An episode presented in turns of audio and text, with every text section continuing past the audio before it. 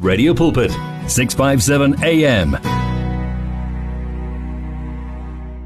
Esikhathi Eh, sami sihambile kakhulu bazalwane ngicela ukuthi ngigijimele kumfundisi uBantu Majola emfundisi sawubona Hey, my sister, greetings to you. How are you? I'm fabulous I'm good I'm blessed yes, and yes. how are you mfundisi No, the Lord has been good. Amen Uh, it's been it's been a great day. Mm-hmm. Mhm We bless the Lord. hallelujah Greetings to all the listeners as well of Radio Pulpit. Amen amen Yes, yes, Mm yes. Um, Mfundisi ngaphambi kokuthi usithulele imotivation yakho yakulolu suku kunomama la ubeshaye Mm. ucingo and eh, akaphathekile kahle uthi Mm. abantu bayahlekisa ngaye ng- eh, ngendlela abukeka ngayo Mm. Em, mangena etaxini a- abo a- o taxi operator bayahlekisa ngaye uthi lento iyamlimaza kakhulu so ungathini um mhlawumbe amazwi amabili noma amathathu ukum encourage noma ukum motivate All right. Look, uh, I, I, I, I, I think, uh, Umama, let us, let us give her uh, Jeremiah 51, verse 20. Mhm. U- uJeremiah 51 verse 20 uh, reads as follows you are my war club Mm. my weapon for battle Mm. my armor of battle ukho izinto endizifundileyo sisibahle ngoThixo U- u- uThixo akayiyo lento thina sicinga ukuba uyiyo Yebo.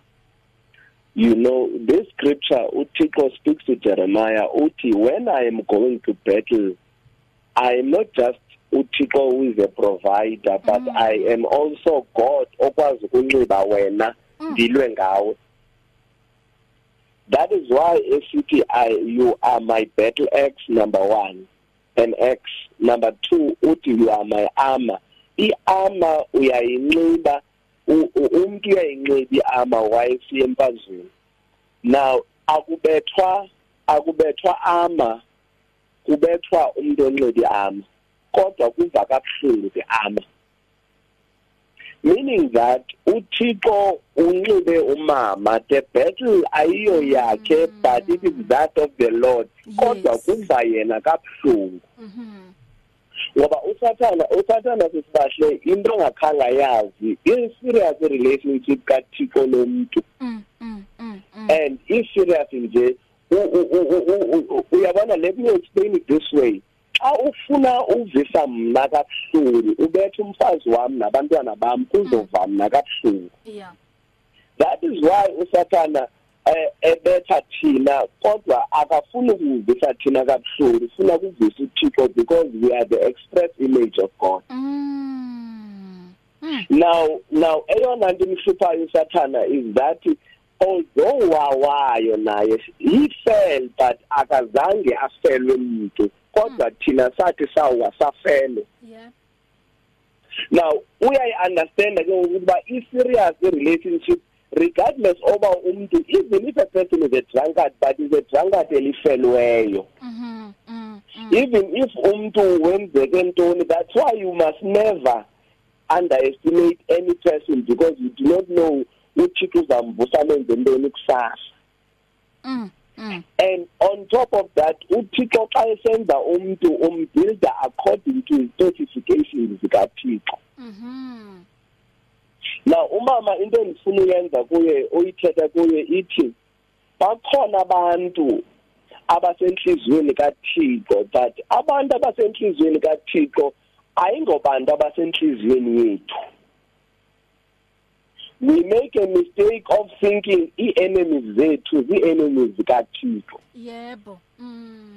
kanti sawuphoxeka you will find that i aba bantu babiza i-friends wena uthixo babiza i-enemies yena akwenzeki ube ube senhliziyweni yabantu uphinde ube senhliziyweni kathixo naw kukhona izinto ezikukhuphayo enhliziyweni yabantu kodwa ziyakufaka kwekathixo ibhayibhile uyayithanda inhliziyo etyumkileyo bakhona abantu ababona ububi ngobaba bangabantu kodwa ububi bukathixo abufani nobabantu now ndifuna ukuthi kumama number one uthixo uthi you are my battle ax uthi athi xa endlulayo uthixo uthi ah, you- you- you- you- mandifuna uhomba Ah, ah, andihomba ngawe yeah so uthixo eh, will never make a mistake wenziwe nguthixo ngale ndlela eyiyo wenziwe nguthixo mm mm mm so uyi-express image of god ma kubethwa yena kuva yena kabuhlungu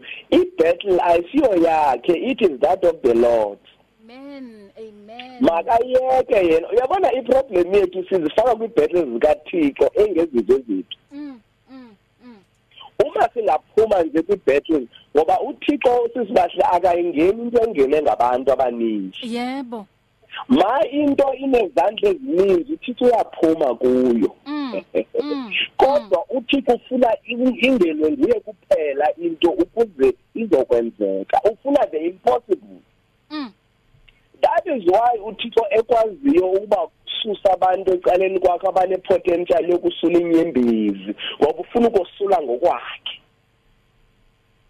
Mm. now ndifuna ukuthi ekugqibeleni athi ohlabelelayo siyawabona ameva kodwa azopholiswa amanxeba mm amanxeba wona azopholiswa amen khululeka khululeka mntasekhaya umama makakhululeke this is not hers ayiyo yakhe Yebo. it is yekathixo makayazi Amen. this belongs to god amen amen that's what i want to say we Mm. lena yekathixo amen haleluya Yo mfundisi asithi imotivation yethu yanamuhla lena eh yes ngoba yes. ngibuke isikhatsi sami asivumi impela ngoba selishayile No, no, lesithathu it is fine, it you know is fine. sometimes uNkulunkulu uyakhuluma nathi and uh, thina singa prepare ukuthi sifuna ukukhuluma ngalokho kodwa yena athi Mm. naku Mm, engifuna mm, ukuthi nikhulume ngakho ingakho ngithi imotivation yethu yakulolu suku and awukhulumi Amen. Mm. naye kuphela umama